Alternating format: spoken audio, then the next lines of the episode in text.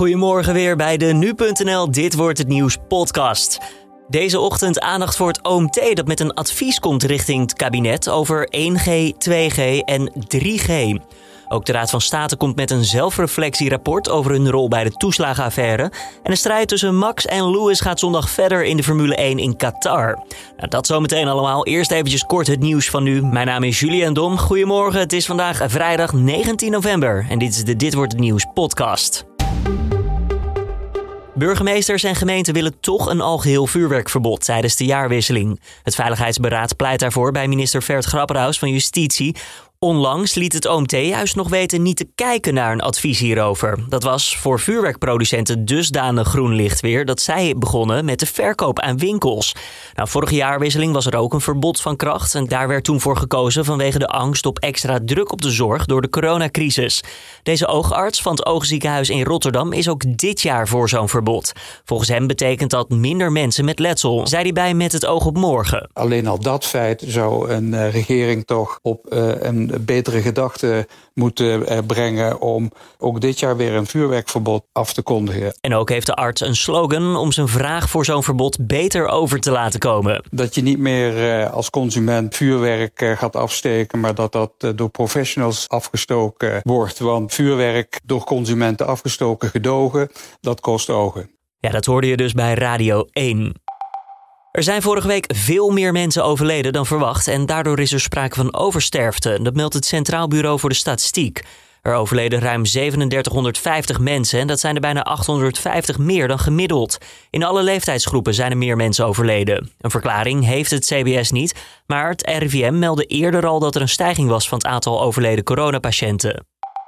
De ontbossing in het Amazone-regenwoud van Brazilië is tussen de zomer van vorig jaar en dit jaar met meer dan een vijfde gestegen in vergelijking met diezelfde periode het jaar ervoor. Het is meteen het hoogste niveau in 15 jaar tijd. In totaal gaat het ruim om 13.000 vierkante kilometer. Nou, om even een beeld te schetsen, dat is ongeveer een kwart van Nederland qua oppervlakte. Op de VN-top in Glasgow deze maand heeft Brazilië beloofd een einde te maken aan de illegale kap. Het aantal coronabesmettingen daalt nog steeds in Suriname, maar toch vrezen de autoriteiten daar voor nieuwe golf in de komende maanden. Uit ervaring blijkt inmiddels dat er een duidelijke relatie is tussen de situatie in Nederland en in Suriname. Zo blijkt dat na een daling van het aantal besmettingen in Nederland de situatie in Suriname weer verslechtert. Een verklaring hiervoor is dat er intensief reisverkeer is tussen beide landen. Momenteel is iets minder dan de helft van de bevolking in Suriname gevaccineerd. En dan kijken we eventjes naar de nieuwsagenda voor deze vrijdag en komend weekend. Nou, het OMT komt vandaag bijeen. Dit keer wordt er gekeken naar het mogelijke 1G of 2G-beleid waar het kabinet op aanstuurt. Bij 1G betekent het dat iedereen vooraf negatief getest moet zijn om ergens binnen te komen. 2G-beleid houdt in dat mensen alleen nog een corona-toegangsbewijs krijgen wanneer ze gevaccineerd of genezen zijn. Ik praat erover verder met viroloog Ab Osterhaus.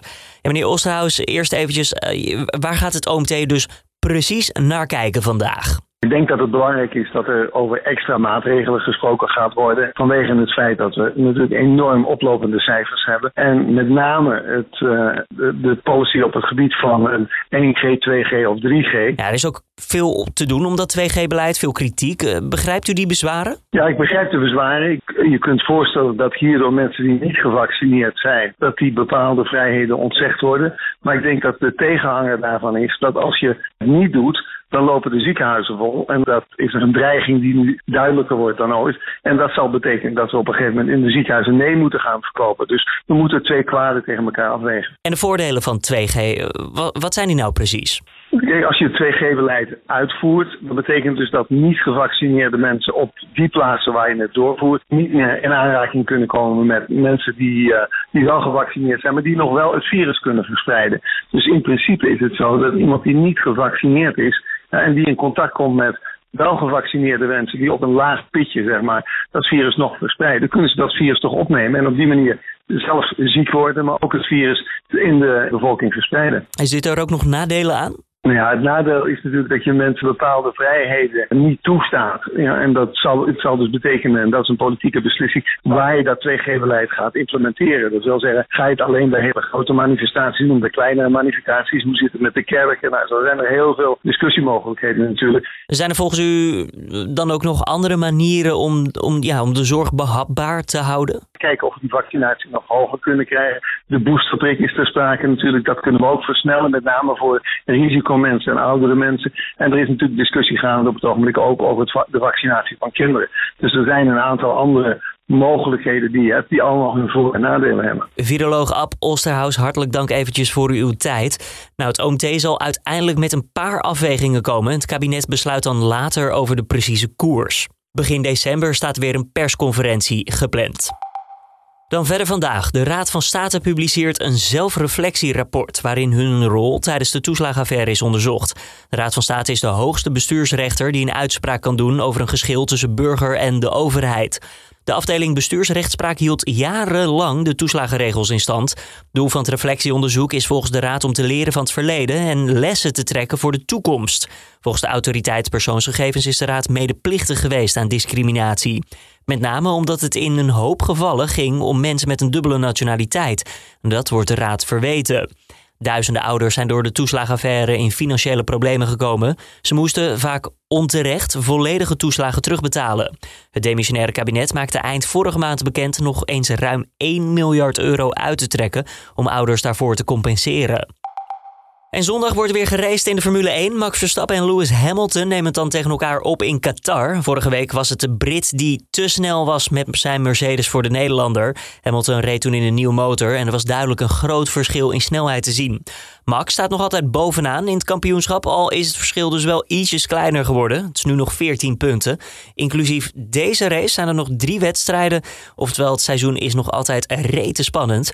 Met nog maar drie races te gaan, doen we nu ook nog eventjes een vooruitblik op de race. En praten we natuurlijk achteraf over hoe het allemaal was. Dus zoek dat ook eventjes op in je favoriete podcastplayer, de Boordradio.